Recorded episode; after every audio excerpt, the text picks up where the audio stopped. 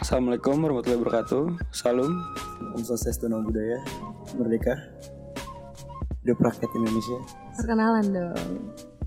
Eh, hari ini balik lagi, asik balik lagi. Ini podcast pertama kita. Insya Allah namanya kontradiksi. Asasnya ngalor ngidul dan kesot dengan berdasarkan kesotoyan kita doang. Iya sih, benar. Jadi kalau misalkan nanti ada yang dengar terus kita salah, mungkin nanti bisa kita undang untuk menjadi koresponden kita atau narasumber kita. Kita bisa ngomong bareng, ngalor ngidul bareng gitu. Karena kita mau ngomongin tentang kenaikan puan kemarin sih di DPR dan gue ini ngerasa ada yang salah. Tapi kalau menurut Kenapa tuh kalau menurut gue ya makanya ini namanya kontradiksi karena gue berkontradiksi sama dia iya gitu. atau menurut gue tuh ada yang salah aja, ada yang janggal secara kayak dari dulu keluarga dia itu selalu ada aja terus di sistem kita. Terus habis itu belum lagi kayak si ibunya tuh ada aja cara buat keluarganya tuh terus mimpin di sistem kita dan kadang tuh suka nggak apa ya apa bahasanya ya suka kadang tuh Gak kayak selaras. Ah iya bener Kayak apaan sih kok kayak gini sistemnya dia Terus kenapa harus dia lagi, dia lagi Hmm. Gue rasa apa ya Si anaknya ini naik Aduh kok jadi takut ya Gak apa-apa, gak apa-apa. Ya itu pert- ini pertanyaan pertanyaan kan kita kan nggak Iya hina, sih, yang iya, kita ini pertanyaan. bertanya gitu. Kamu yang bertanya, aku akan menjawab nih. Aku udah Iya. punya opini sendiri. Menurut aku nih ya Menurut gue nih ya sebagai pelajar Dan gue mau wakilin teman-teman kelas gue juga ya Hmm. Gue gak tau ini Berarti ini udah ada kajian lah dari Nah, kelas iya, kamu udah lah ada ya. kajian Iya, lah. Udah ada kajian lah. Karena semua temen kelas gue itu Mereka nggak support kok Si Puan ini naik Wis. jadi DPR Iya sumpah Entah emang karena kita lagi benci banget ya Wah, enggak enggak Oh, kita sih. Enggak maksud gue kita tuh gue sama temen iya, gue iya, iya. Ya mungkin karena karena opini yang lagi dibentuk di masyarakat, Iya, ya kan? benar. Untuk seolah-olah ini pemerintah ini eh, tidak mengakomodir lah kepentingan-kepentingan rakyat hari ini, Hmm. Iya ya kan? sih, Iya Dengan adanya demo kemarin, dengan adanya kerusuhan, dengan disahkannya undang-undang KPK, Mhm. dan ya eh, presiden kita nggak ngelu- menolak untuk mengeluarkan perpu dan segala macam. Iya Jadi mungkin ada beberapa di media sosial memang pernyataan-pernyataan negatif terhadap apa ya, PDIP, terhadap Megawati dan terhadap Puan mungkin apa ya? je- jelek mungkin ya. Iya Ya, ya. Tapi sebenarnya kalau menurut lo sendiri Gimana? Kalau menurut gue nih sama temen-temen gue Ada yang salah nih Kayak apa sih gitu Kenapa harus dia Terus kenapa harus anaknya dia juga gitu loh Nah, jadi gini sebenarnya eh, setahu aku di waktu zamannya Soeharto ada namanya fusi partai. Mhm. Fusi partai itu eh, menggabungkan partai-partai yang ada di Indonesia menjadi tiga partai politik Iya yang menaungi eh, kepe- ideologi-ideologi atau men- men- eh, menaungi eh, maksudnya ber- satu satu tujuan lah menaungi maksudnya difusikan itu dis- dijadi- dijadikan satu Oke yaitu partainya ada tiga Apa partai aja? per- eh, partai Demok- demokrasi Indonesia Iya. dalam masuk PDI yang kedua itu partai Persatuan Pembangunan Mhm. yang ketiga adalah golongan karya Golkar ya Oke. Nah, PDI ini eh, mengakomodir kepentingan-kepentingan nasionalisme pada saat itu. Oke. Makanya PN, dulu PNI, Partai Soekarno disatukan. Terus Partai Murba, Musyarak- Mu- Musyawarah Orang Banyak juga disatukan. Banyak partai-partai nasionalis. Oh juga. mereka semua masuk ke PDI tuh? Ya, dulu disatukan sama Soeharto. Dem- Ya, terus eh, yang kedua ada lagi ketiga, Mhm. Partai Persatuan Pembangunan. Nah, ini menyatukan partai-partai Islam pada masa itu. Oh. Oke. Yang terakhir Golongan Karya. Nah, ini partainya pemerintah. Partai itu Ah. partai pemerintah. Nah, dulu Perbedaan dari tiga partai itu gimana tuh? ya, i- ya beda mazhab sebenarnya Mhm. yang satu yang satu asasnya nasionalis Aha, yang satu asasnya keislaman Oke. hampir sama kayak nasakom Oh oke. nasionalis agamis tapi nggak ada komunisnya Hmm, iya iya. iya. yang ada nasionalis agamis fasis kalau sekarang militer Aduh. jadi eh, ya PDI sebagai kelompok nasionalis Islam di apa dinaungi diwadahi oleh Partai Persatuan Pembangunan Iya. dan terakhir apa ya, kalau disebut Golkar ini ideologi apa? Ideologi pemerintah mungkin ya. Ma- Oke, Masalahnya iya hari ini juga kita lihat di setiap pemilu dimanapun Golkar pasti bersama dengan pemerintah. Iya. Pasti ada di koalisi pemerintah. Iya, benar, dimanapun benar. posisinya saat pemilu. Nah dulu setahu aku di, di dalam keluarganya Megawati pun sempat pecah. Oh ya? ya anak-anaknya suka Prah Soekarno sempat pecah karena kenapa dianggap Megawati itu mengkhianati Oh ya? Iya Kenapa kan? tuh Iya kan? Megawati sempat dianggap mengha- mengkhianati? Ah, karena saat itu dianggaplah "An- harusnya terah-terahnya Soekarno ini nggak boleh turun ke partai politik manapun Oh. nah Megawati itu berkecimpung di dalam PDI Hmm. akhirnya eh, bisa dibilang Megawati berpengaruh lah pada saat perubahan rezim saat reformasi Iya. makanya ada eh, namanya eh, tragedi 27 Juli jadi waktu saat Megawati ingin mencalonkan diri sebagai jadi Kongres dia menang Kongres Mhm. Kongres PDIP dia menang untuk menjadi eh, ketua partai PDI saat itu Oke. nah kenapa ah, sekarang ada namanya PDI tapi tambah P Ah, ya itu Perjuangan. kenapa tuh? jadi, itu kayak- kenapa jadi tuh? dulu tuh ada, eh, gue lupa nama orang ini siapa namanya jadi ada satu orang apa ya di dalam kongres di dalam kongres itu terpilih Megawati Iya. cuman ya karena ketakutan Soeharto lah mungkin atau gimana terus akhirnya di- dibikinlah kongres tandingan Kongres tanggi. kongres tandingan yang mengangkat orang ada Suryadi kalau nggak salah namanya Suryadi. Nah, dia orang dari mana nih ceritanya? Apakah emang udah dia sempet Nah, kompol si- sama Megawati apa gimana? Nah, apa tiba-tiba orang baru datang ke si- si- kehidupan Megawati juga? si Suryadi ini apa ya bisa dibilang ini eh, menginfiltrasi PDI lah saat itu Oke. untuk melawan Megawati Iya iya. kalau menurut gue mungkin kalau gue salah boleh dirawat nanti Eh, terus akhirnya terjadilah peristiwa 27 Juli Mhm. yaitu penyerangan kantor PDI dulu namanya Iya PDI. penyerangan kantor PDI eh, yang dikuasai oleh Megawati saat itu Iya. diserang oleh kelompok Suryadi Ah, Oke. nah yang mengakibatkan akhirnya Mega membuat partai politik baru namanya Partai Demokrasi Indonesia Perjuangan Oh, makanya Lawannya- sampai sekarang namanya PDIP. namanya PDIP Nasi Suryadi ini gimana nasibnya dulu tuh? Terus, kan sekarang ya sekarang kita tahu lah apa ya Apa nih? memang Mega banyak dizolimi Hmm, dari zaman 98 sampai 2004 itu banyak dizolimi. Kenapa?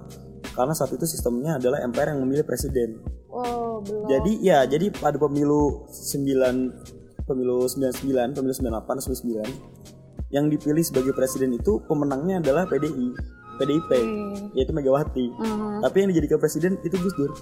Kok bisa gitu? Nah, itu, kenapa itu ada tuh? Hmm. permainan Amin Rais di sana sebagai ketua MPR. Bagaimana dinaikannya Gus Dur dan jadikannya wak- wakil presidennya adalah Megawati Soekarno Putri. Di situ eh, Megawatinya em, ngerasa legowo dia dia Oh, legowo oke. makanya dia salah satu orang yang diskriminasi juga Iya, iya. sebenarnya nah akhirnya Gus Dur turun dengan adanya apa eh, prosedur dari Undang-Undang Dasar 1945 Iya.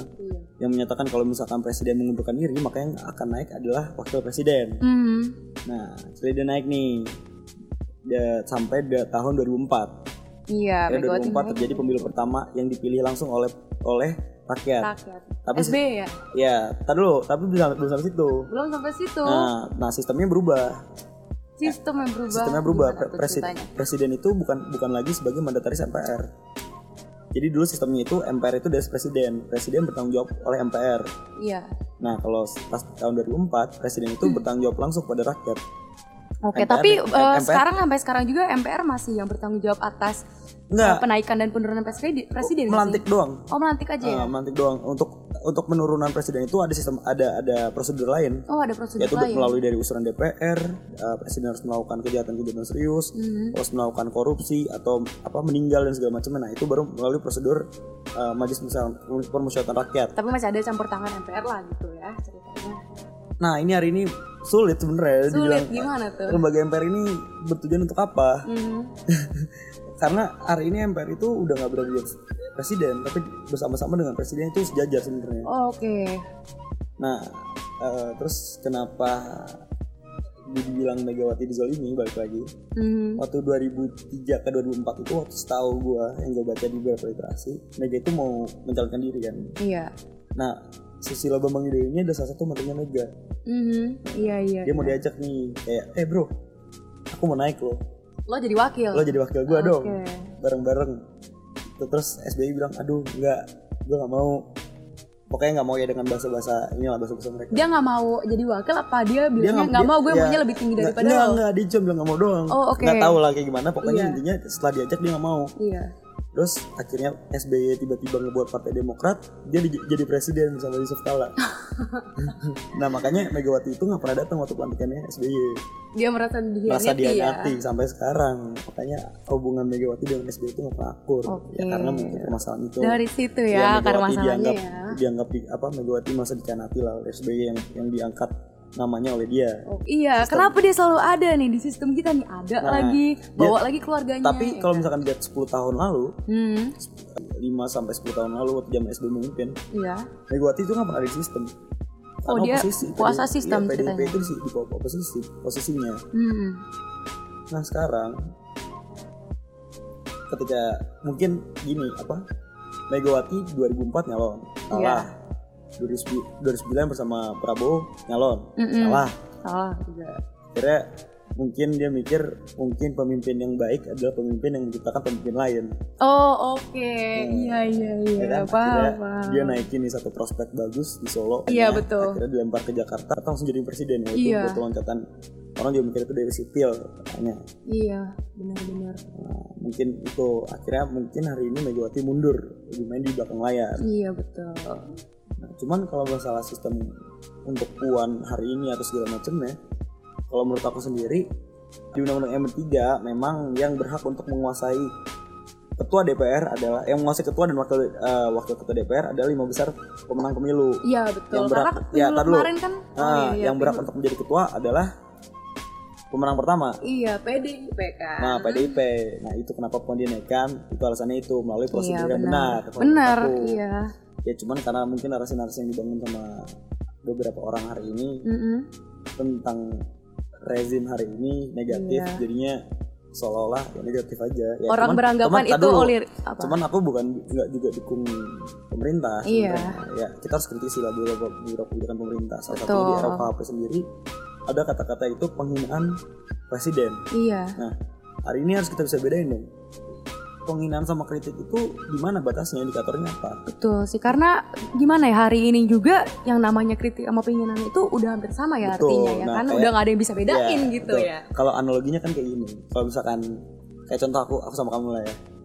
Eh, aku bilang sama kamu, eh Bel, lo bodoh banget deh. Itu namanya penghinaan. Iya, Terus kalau misalkan aku bilang, Bel, lo belajar tahu. itu kritik. Itu kritik. Iya. Lo belajar tahu biar lo bisa lulus atau lo bi- biar lo bisa naik kelas. Iya, Tapi kalau misalkan aku ngomongnya, Bel, lo bego banget deh. Belajar bego. Oke gitu gimana? nah, itu dia. Nah, Digabung itu. jadi satu Masalahnya kan. bahasa pergaulan hari ini Bener. bahasa pergaulan hari ini membingungkan kita, membiaskan kita antara kritik dengan penghinaan. Iya, belum lagi dengan maraknya sosial media nih adanya memes dan segala Nah, macem ya kan. Itu yang harus kita bahas sampai di mana indikatornya Betul. tafsiran tafsiran ini sampai di mana? Mm-mm. Apakah tafsiran tafsiran pemerintah atau tafsiran masyarakat? Yang ditakutkan hari ini adalah diskriminasi yang terjadi dengan tafsiran pemerintah itu. Pasal ini bisa jadi pasal karet.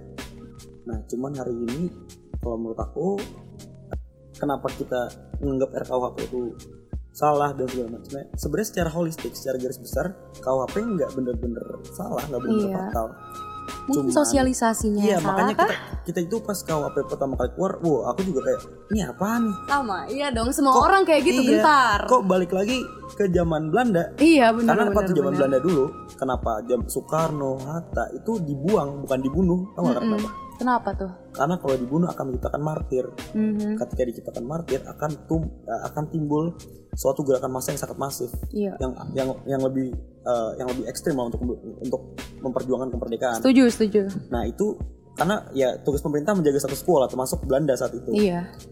Nah itu mengguncang stabilan saat itu. Nah itu untuk Belanda akhirnya dibuatlah pasal-pasal karet Mhm. dibuatlah pasal-pasal karet untuk menjerumuskan mereka dijauhkanlah mereka kepada rakyat yang sekarang Iya. pernah pendapat waktu dia di suka miskin Eh, lo boleh ngapain ngapain gua ngapain aja gua asal jangan pernah jauhin gua sama rakyat Iya, betul. nah itu karena ya obatnya Soekarno hari itu adalah rakyat Rakyat. Tuh, Gitu. makanya sekarang ini kenapa balik lagi Indonesia sebagai negara polisi ini yang disalahkan sebenarnya Gitu. Tuh. Gimana pendapat kamu tuh dengan kamu tadi ngomong hari ini Indonesia adalah negara polisi tuh maksud apa? M- Mungkin banyak orang yang nggak tahu, mungkin bisa dijelasin dikit lah. Kasih penjelasan menurut sedikit. aku ya dengan dengan kebodohan aku ini Iya. dengan ketidaktahuan aku tahu dikit-dikit tidak tahu anak ini negara polisi ya itu sama seperti Belanda bagaimana dia membungkam orang-orang yang ya bagaimana dia membungkam orang-orang yang mengkritik dia tapi tidak melalui jalur-jalur yang bisa menimbulkan eh, martir-martir Oke. yang menimbulkan suatu organisasi eh, suatu gerakan yang besar Iya. suatu pemberontakan yang besar karena, Betul. karena hari ini tugas pemerintah mungkin Iya. menjaga Bisa nih stabilitas benar. karena balik Iya lagi sih. kalau tidak menjaga stabilitas ekonomi kacau bos Iya sih. iya Kenapa sih. kacau, Bos? Bener juga Iya nggak? sih. makanya kenapa hari ini RRC Tiongkok RRT lah kita sebutnya karena udah ada Iya. perjanjian eh, diksi terhadap terhadap Cina Iya. kita sebutnya Tiongkok karena Cina katanya terlalu negatif dan segala macam Iya. Eh, mere- mereka itu bisa menjaga stabilitas politik mereka Iya. dengan cara apa yaitu komunis Wah, agak Iya. kiri nih ya kita ngomongin agak kiri nih. komunis Oh, Oke. iya, adanya adanya eh, adanya sistem satu partai Iya. semua dikelola oleh satu partai segala macam pem, eh, pemimpinnya di, di- di- apa di diangkat dan ditunjuk oleh PKC Partai Komunis Tiongkok Partai Komunis Cina Partai. nah hari ini di dalam ekonomi Cina kalau menurut aku udah enggak komunis lagi Kenapa tuh? tapi kapitalis Oke. Karena Dari pertama kiri dia ke men- kanan. ah tapi secara tapi dalam politik itu mungkin eh, mau cetung nangis kalau ngeliat hari ini ya Iya, iya, iya. kalau kalau aku baca literatur Iya. ada namanya Deng Xiaoping ini ralat nih kalau gue salah ya kawan-kawan yang Oke. mendengarkan ini berdasarkan asas kesotoyan gue nih Oke. nah, Deng Xiaoping ini membuka celah-celah investasi di Cina karena memang jujur menurut aku juga komunis gagal di setiap negara Mhm. cuman mungkin Cina mentransformasikan bagaimana komunis ini menjadi soft mungkin namanya mungkin sosialis sekarang Iya. tapi Lebih soft dalam dan penerapan juga nggak sosialis. bisa sosialis punya satu partai itu sebenarnya nggak boleh Kenapa? nggak bisa lah Jelasin dong. Kenapa nggak bolehnya? Karena dalam komunis sendiri, kepemilikan kolektif itu diharamkan. Kepemil- Kepemilikan sosialis itu menghendaki kepemilikan, pemilikan individu dan pemilikan kolektif. Hanya beberapa sektor-sektor yang eh, yang dianggap apa namanya? Yang dianggap sentral atau yang dianggap penting lah, seperti air ya. Kalau di kita namanya air, tanah, dan kekuasaan eh, dan dan harta dan kekayaan alam di bawahnya dikuasai oleh negara seperti kayak gitu. Iya. Makanya air PLN tuh nggak boleh dikuasai sama negara eh, oleh asing. Mm-mm. Nah, karena itu emang emang dipergunakan untuk negara sebanyak-banyaknya, ini Iya. sosialis. Tapi kalau komunis tuh nggak boleh. Semua harus punya Harus individu. punya eh, semua rakyat, harus punya kan? rakyat. Harus punya rakyat, kan? Nggak boleh punya individu. Nah, itu. Nah, Cina hari ini membingungkan gitu loh. Dalam ekonomi kapitalis, Mm-mm. kebijakan luar negeri ekspansionis. nah, ini makanya membingungkan lah kalau bahas Cina itu panjang lah. Panjang lah ya. Ini panjang gitu. Kita mau balik lagi ke masalah RKUHP nggak nih ceritanya nih? Apa nih? Gimana? Tadi kan yang pertama kalau menurut Lalu ini bahas puan dulu nih. ah gimana nih mau bahas apa nih? Nah, bahas puan dulu nih. Ini ketakutan kita hari ini kan sebenarnya Banyak sih ketakutan kita hari ini. nggak sebenarnya nggak ada yang salah Mhm. dengan dengan adanya puan di DPR. Nggak ada yang Iya. salah karena DPR itu kan eh, menganut asas one man one vote kan. Semua orang boleh punya voting kan. Mhm. Iya bukan betul. bukan berdasarkan one man one constitution, Iya. one kayak presiden. Iya iya. iya. Kan kalau presiden itu presiden ngomong A, semua menteri harus ngomong A. Nggak Iya. boleh B, nggak boleh C, nggak boleh D. Nah, kalau kalau DPR kan ketua boleh ngomong A, yang lain boleh ngomong, ngomong B. Iya, Jadi kalau benar. menurut aku secara secara eh, secara secara bisa ditarik lah, bisa tarik garis kesimpulan bahwa ketua ini sebenarnya cuma eh, menyimpulkan doang, menarik garis kesimpulan doang. Oke. Tuh. Jadi kalau menurut kamu nggak masalah nih ya, Puan jadi ketua nih ya. Nah, dia bisa jadi Aduh, pembelajaran nih. Oke. Masalahnya itu bukan di Puan Maharaninya, Namun, tapi oke. di sistemnya. Nah hari ini kalau misalkan Gerindra dengan PDIP pas- partai-partai besar yang memecah polarisasi di masyarakat pada saat pemilu menyatukan diri Mm-mm. ini yang bahaya Apa bahaya? kan ada namanya check and balances dalam satu dalam partai harus jaga keseimbangan lah Iya. antara oposisi dengan koalisi hari ini kita diterbiasakan waktu zaman setelah po- ter- eh, terjadinya polarisasi melihat eh, Prabowo dengan Mega ketemu alhamdulillah mereka ketemu negara ini segala macam tapi kita lupa rakyat siapa yang dukung kalau nggak ada oposisi bos Oh. itu yang kita lupa kita so- Iya kita mendukung mereka untuk sih. untuk menjadi satu tapi kita lupa harus ada budaya oposisi Hmm. akhirnya kalau ada kebijakan-kebijakan ngawur ini siapa yang dukung kita memang partai-partai minoritas ada cuman yang nggak berpengaruh banyak Iya, iya. gitu ini yang ketakutan ketakutan ini sebenarnya budaya-budaya oposisi ini makanya kemarin juga sempat apa ya sempat eh, kecewa juga lah sama kepemilihan pemilihan MPR lah Iya, benar-benar. Gerindra kan awalnya jadi ada dua yang mau nyalonkan si Bapak Bambang Susatyo yang dulunya menjadi ketua DPR dan satu lagi Bapak Ahmad Muzani dari Gerindra satu dari Iya. Golkar satu dari Gerindra mau menyalonkan diri sistem pemilihannya musyawarah dan mufakat Iya. semua mem- mendukung Bambang Susatyo. Gerindra menda- kan mau nyalonin Ahmad Muzani. Ya kan? Iya. Nah, awalnya dia itu pengennya sistemnya voting. Memang disalahkan. Iya. Memang disalahkan.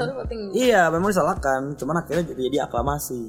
Apa tuh aklamasi? Iya Aklamasi itu kalau jadi kalau misalkan terjadi mufakat setelah musyawarah, nggak terjadi voting. Tapi kalau misalkan Oke. terjadi deadlock, nah udah jadi- udah deadlock nih udah terjadi lobbying segala macem deadlock Mm-mm. ya kan nah itu harus harus dilakukan voting walaupun itu sebenarnya sistem kebarat-baratan kita nggak ada Mm-mm. nggak ada voting Iya, iya. Soekarno di buku penyambung diri rakyat pernah ngomong kalau misalkan memang demokrasi yang terbaik cara demokrasi output yang terbaik adalah musyawarah dan mufakat Iya. untuk bangsa-bangsa baru ini maksudnya jangan sampai 50 jadi ada orang menang 51 50 plus 1 persen orang menang yang 49 kecewa terus eh, terus udah kecewa aja Iya. Nah, yang paling benar adalah bagaimana gagasan si A, si B, si C, orang-orang yang kecewa ini bisa disatukan menjadi satu mufakat. Iya, nah, ini betul, sekarang tuh main ini. Dengan bangsa yang prematur, dengan bangsa yang baru merdeka saat itu, kedewasaan dapat diperoleh dengan cara musyawarah dan mufakat. Maksudnya kalau lo gak suka ya kita tampar-tamparan aja langsung di sini secara secara argumen, secara Iya, iya, argumen, iya, bukan secara iya. ya secara verbal lah, Iya. secara verbal. Tapi Kasarnya ya Nah, tampar-tamparan. kasarnya kan Pancasila juga berdasarkan dari musyawarah dan mufakat. Iya. Nah, nggak jadi gini, jadi gini, jangan jangan eh, kita mengkritik sesuatu, kita harus mengenal dulu dong. Iya. Maksudnya lu kalau benci kasarnya nih bahasa pergaulannya, Iya. ya lu kalau benci sesuatu lu harus tahu dulu dong apa yang lu benci. Iya, Jangan lu harus masa ulik dulu sampai akarnya gitu ya, Iya, ceritanya. iya lu harus ulik dulu sampai akarnya lah, jangan ucuk-ucuk ah udah benci ah Iya. ya kan nah nggak boleh kayak gitu juga Itu juga salah cuman kita juga nggak boleh punya suatu eh, fanatisme terhadap suatu suatu partai suatu orang suatu Iya, golongan benar. atau terhadap apapun Setuju. lah Setuju. Ya kan? karena fanatisme ini akan melunturkan sikap kritis kita Iya. nah Betul. itu salahnya nah hari ini pendukung Jokowi atau pendukung Prabowo harus bisa kritis Iya, betul. ya kan Jangan Harus bisa- langsung benci Iya, gitu ya. Jangan langsung benci atau jangan jangan ngebela mati-matian. Kita Iya. tetap kritis lah. Tetap Kalau misalkan Nah, kritis. memang Jokowi baik, aku mas- kalau aku ya aku, sendi- aku sendiri ya. Mm-mm. Untuk untuk suatu kebijakan-kebijakan fundamental seperti contohnya pembangunan infrastruktur, Iya. terus eh, mau dialihkan lagi ke pembangunan strategisnya menjadi pembangunan sumber daya manusia Iya. dipindahkannya ibu kota. Nah kalau menurut aku itu patut diapresiasi, Iya. walaupun memang ada PR-PR di luar itu. Nah itu bisa dibahas nanti, ya kan? Itu, Iya. itu bisa itu itu bisa kita bahas. Pasti. Inilah. Cuman kalau permasalahan-permasalahan seperti misalkannya undang-undang pertanahan Iya.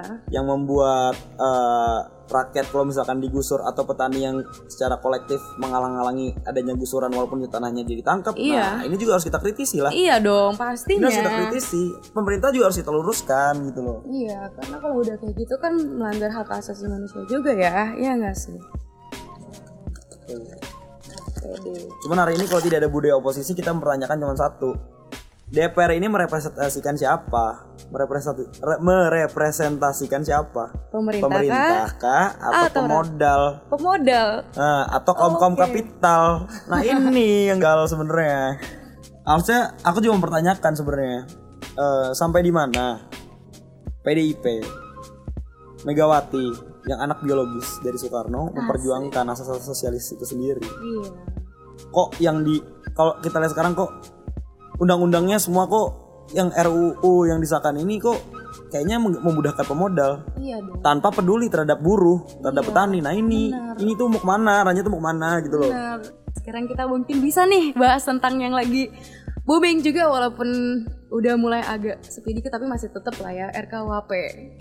Kemarin kan pasal yang dipermasalahkan sama kita kita nih sama netizen netizen ya kasarnya tuh ada yang pasal apa aja em, pasal yang katanya cewek keluar malam gak boleh ya kan Hmm. ya kan ada pasal itu terus ada yang pasal gelandangan didenda satu juta ada yang pasal ayam ke kebun orang Hmm. terus ada pasal ada banyak lah ya Ya. itu gimana nih Hmm. Menurut kamu kan?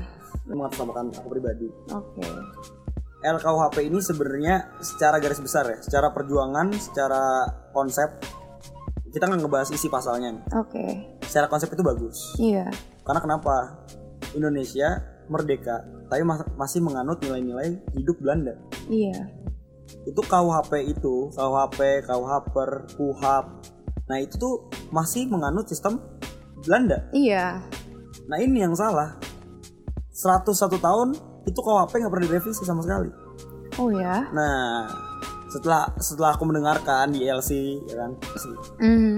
tiga generasi Benar, yang- benar. ya, tiga generasi yang mengkaji sebenarnya dalam perjuangan bagus ya Indonesia punya dong produk-produk produk-produk rakyat sendiri Iya. produk-produk anak bangsanya sendiri lah Iya benar-benar. apalagi KUHP kan bersentuhan langsung oleh kita kan Iya. ya kan oleh oleh rakyat langsung lah untuk mem- apa eh, untuk menjagalah hak dan Iya. kewajiban kita kan di situ Betul. ya kan? Nah, kalau permasalahan KWP sendiri dalam beberapa pasal kayak seperti setahu aku nih, Iya. aku mengutip kata menteri kita lah, Yasona Lauli. mantan, mantan menteri sekarang jadi iya ang- iya. anggota DPR Mantan baru dilantik menteri. kemarin. Dia bilang kalau pasal perempuan keluar itu Salah hoax kan katanya. Ah, Dia katanya, hoax. katanya. Itu hoax. katanya hoax. Nah, cuman kalau masalah gelandangan ini gelandangan ini itu bisa ditangkap kalau misalkan gelandangan ini nggak punya identitas. Iya. Pertama, yang kedua ini mengganggu ketertiban umum. Betul. Cuman Kan balik lagi ini indikatornya apa?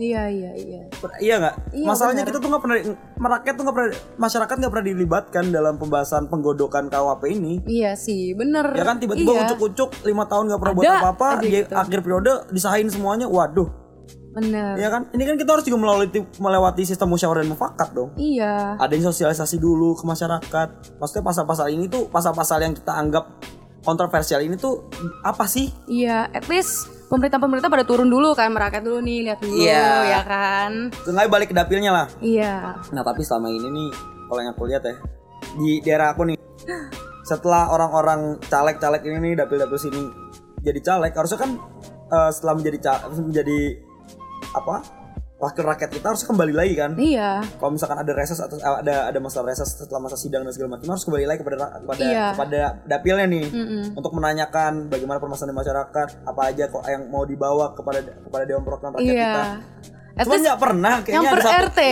Iya, kayaknya nggak nggak pernah ada At satu least- satu orang pun di daerah ini Iya, orang-orang yang bener. kayak nih gue wakil rakyat udah kepilih nih ya kan iya. ya apa yang mau lo bawa aku yang Iya apa- yang mau bener diakomodirkan Gak Iya, harus ada. tiap rumah lah didatengin Rumah RT-nya aja ketok Pak gimana nih? nah, Coba itu. Bapak tampung aspirasi rakyat-rakyat Bapak di sini kan Coba ngomong ke saya keluhan-keluhannya apa Itu pun gak pernah ya kan diterapin sama pemerintah Terus gimana?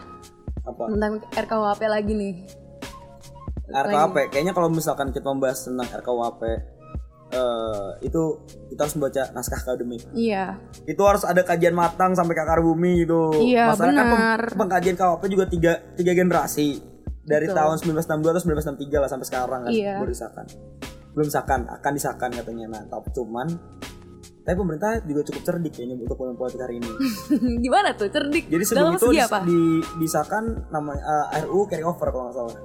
Jadi RUU carry over ini semua undang-undang yang masih jadi RUU rancangan undang-undang itu eh, jika belum disahkan dapat disahkan di periode selanjutnya.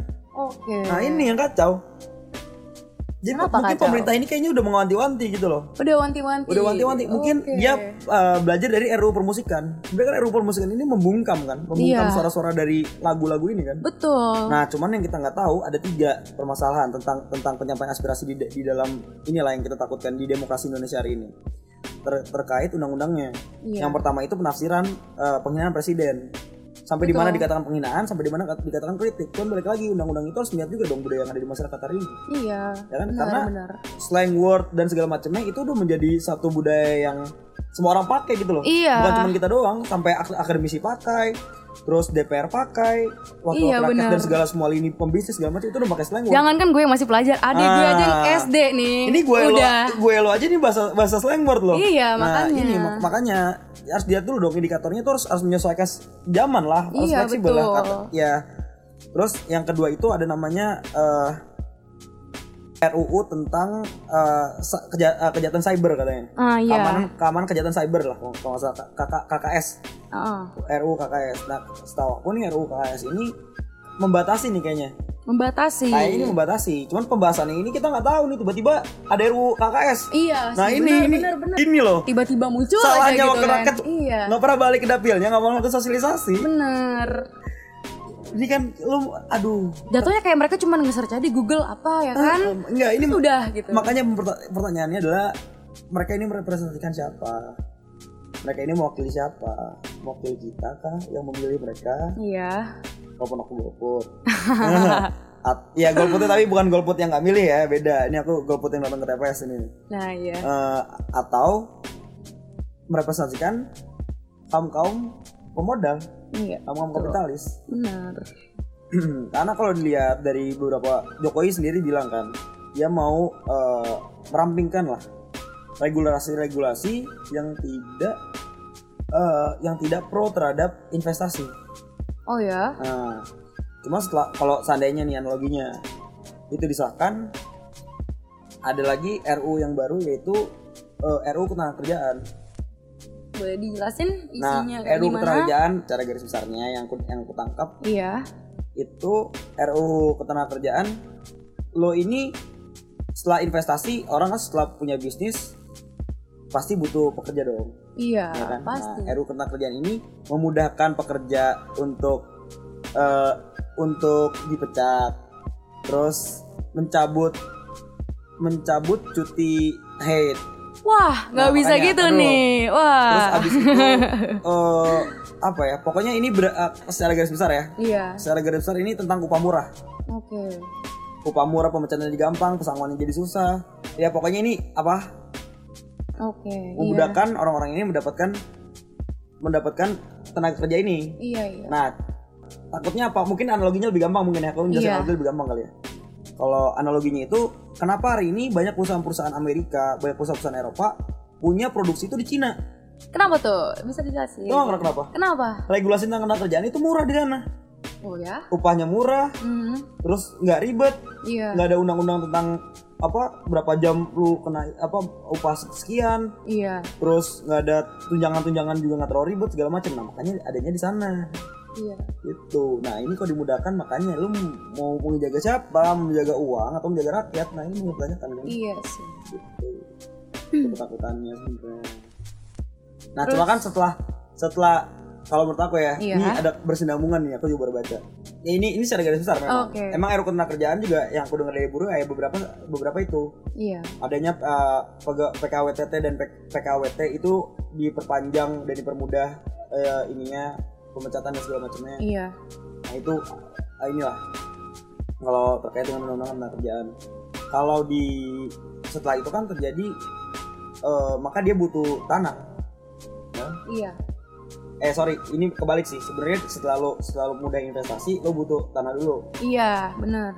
Nah tanah ini permudah yang tadi aku bilang undang-undang pertanahan itu mengendaki kalau misalkan contoh lah pemerintah mau buat gedung Iya. di rumah aku nih Mm-mm. misalkan nggak mau digusur Iya, nah aku bisa penjara iya, atau penguasaan, benar. penguasaan tanah secara kolektif oleh petani-petani kan menghalang-halangi penggusuran nih Iya, dia bisa penjara 15 tahun lagi iya makanya. terus da- akhirnya setelah udah punya tanah butuh tenaga kerja dong Iya dong. nah tenaga kerja ini ya tadi undang-undang kerja ini tadi udah bahas setelah undang-undang ketenaga kerjaan maka butuh butuh lagi dong satu stabilitas dijaga Iya, kalau ada kritik apa kalau misalkan politik terguncang ekonomi bisa terguncang iya ya pastinya. kan nah Gitu. Nyambung kan soalnya. ditutup akhirnya dibatasi melalui RKUHP yang tafsirannya kurang jelas tadi itu RUU tentang KKS tadi Heeh. yang tentang Iya, Cyber ya? cyber Gitu. ini ketakutannya Berat juga ya pembahasannya. nah makanya akhirnya kita bisa tarik garis kesimpulan bahwa pemerintah hari ini itu menjaga kaum kaum pemodal Iya, benar. Benar-benar setuju sih aku kalau gitu. itu. Lalu terkait undang-undang KPK yang berusahkan hmm, mungkin hari ini Presiden Jokowi alangkah baiknya mengeluarkan perpu untuk undang-undang tersebut karena menurut kami menurut aku tidak sesuai dengan enam agenda reformasi yang merupakan amat rakyat yang seharusnya pemerintah menguatkan lembaga anti rasuah tersebut bukan memperlemah mungkin ideal jika nanti direalisasikan adanya GBHN atau garis besar haluan negara walaupun nanti akan menimbulkan polemik hmm, tentang kedudukan MPR dan lain-lain tapi menurut ka- menurut aku lebih ideal 6 agenda atau 5 lima agenda tersebut karena ya agenda pertama dari agenda 6 agenda reformasi tersebut adalah Adil Suwarto yang merupakan gagasan yang saya yang gue rasa kayak nggak mungkin terjadi jika pemerintah kontraproduktif terhadap pemberantasan korupsi. Semoga agenda reformasi pertama yang Adil Suwarto dan kroni-kroninya ini dapat terwujud jika adanya keseriusan pemerintah dalam meningkatkan atau menguatkan lembaga KPK dan juga janggal sih kalau di GBHN tercantum pasal penghakiman terhadap seseorang atau kelompok. Alangkah lebih baiknya jika lima agenda reformasi dimasukkan dalam garis besar haluan negara agar tercapainya tuntutan rakyat 21 tahun yang lalu gitu. Hmm, kayaknya pembahasannya udah panjang banget sih ya. Ya, mungkin ini eh, terlalu panjang ya. Iya. Dan juga terlalu meluas dan lebar juga pembahasan kita. Bener. Nah, buat rincian-rinciannya Ah. Iya. mungkin kita bisa masukin ke podcast-podcast yang apa ya? Per episode gitu lah ya. Hmm.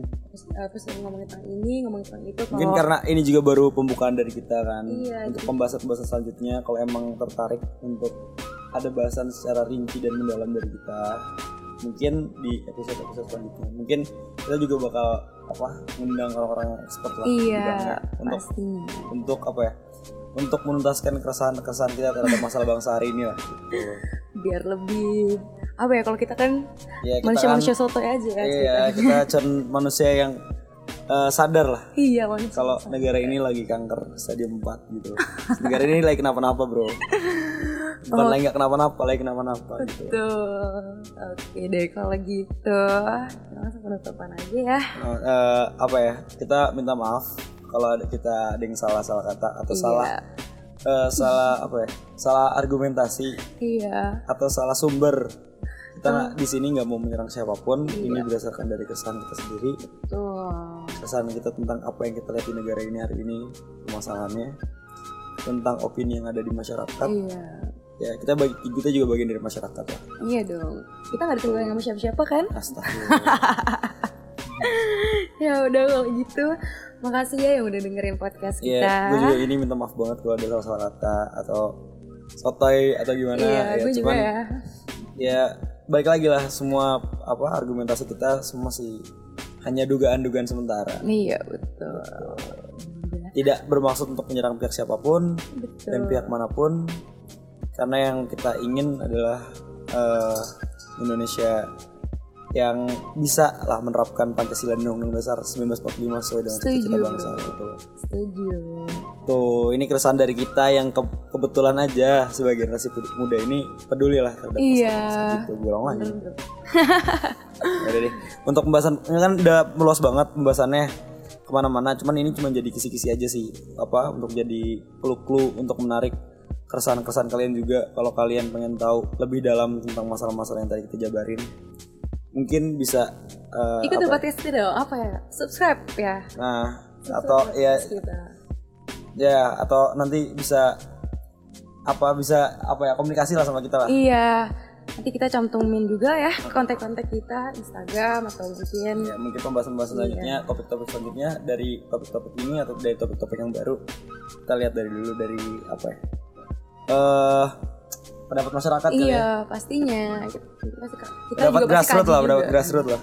Oke. Oke deh kalau gitu. Gimana ya endingnya Bu? Endingnya wassalam. Selamat tinggal.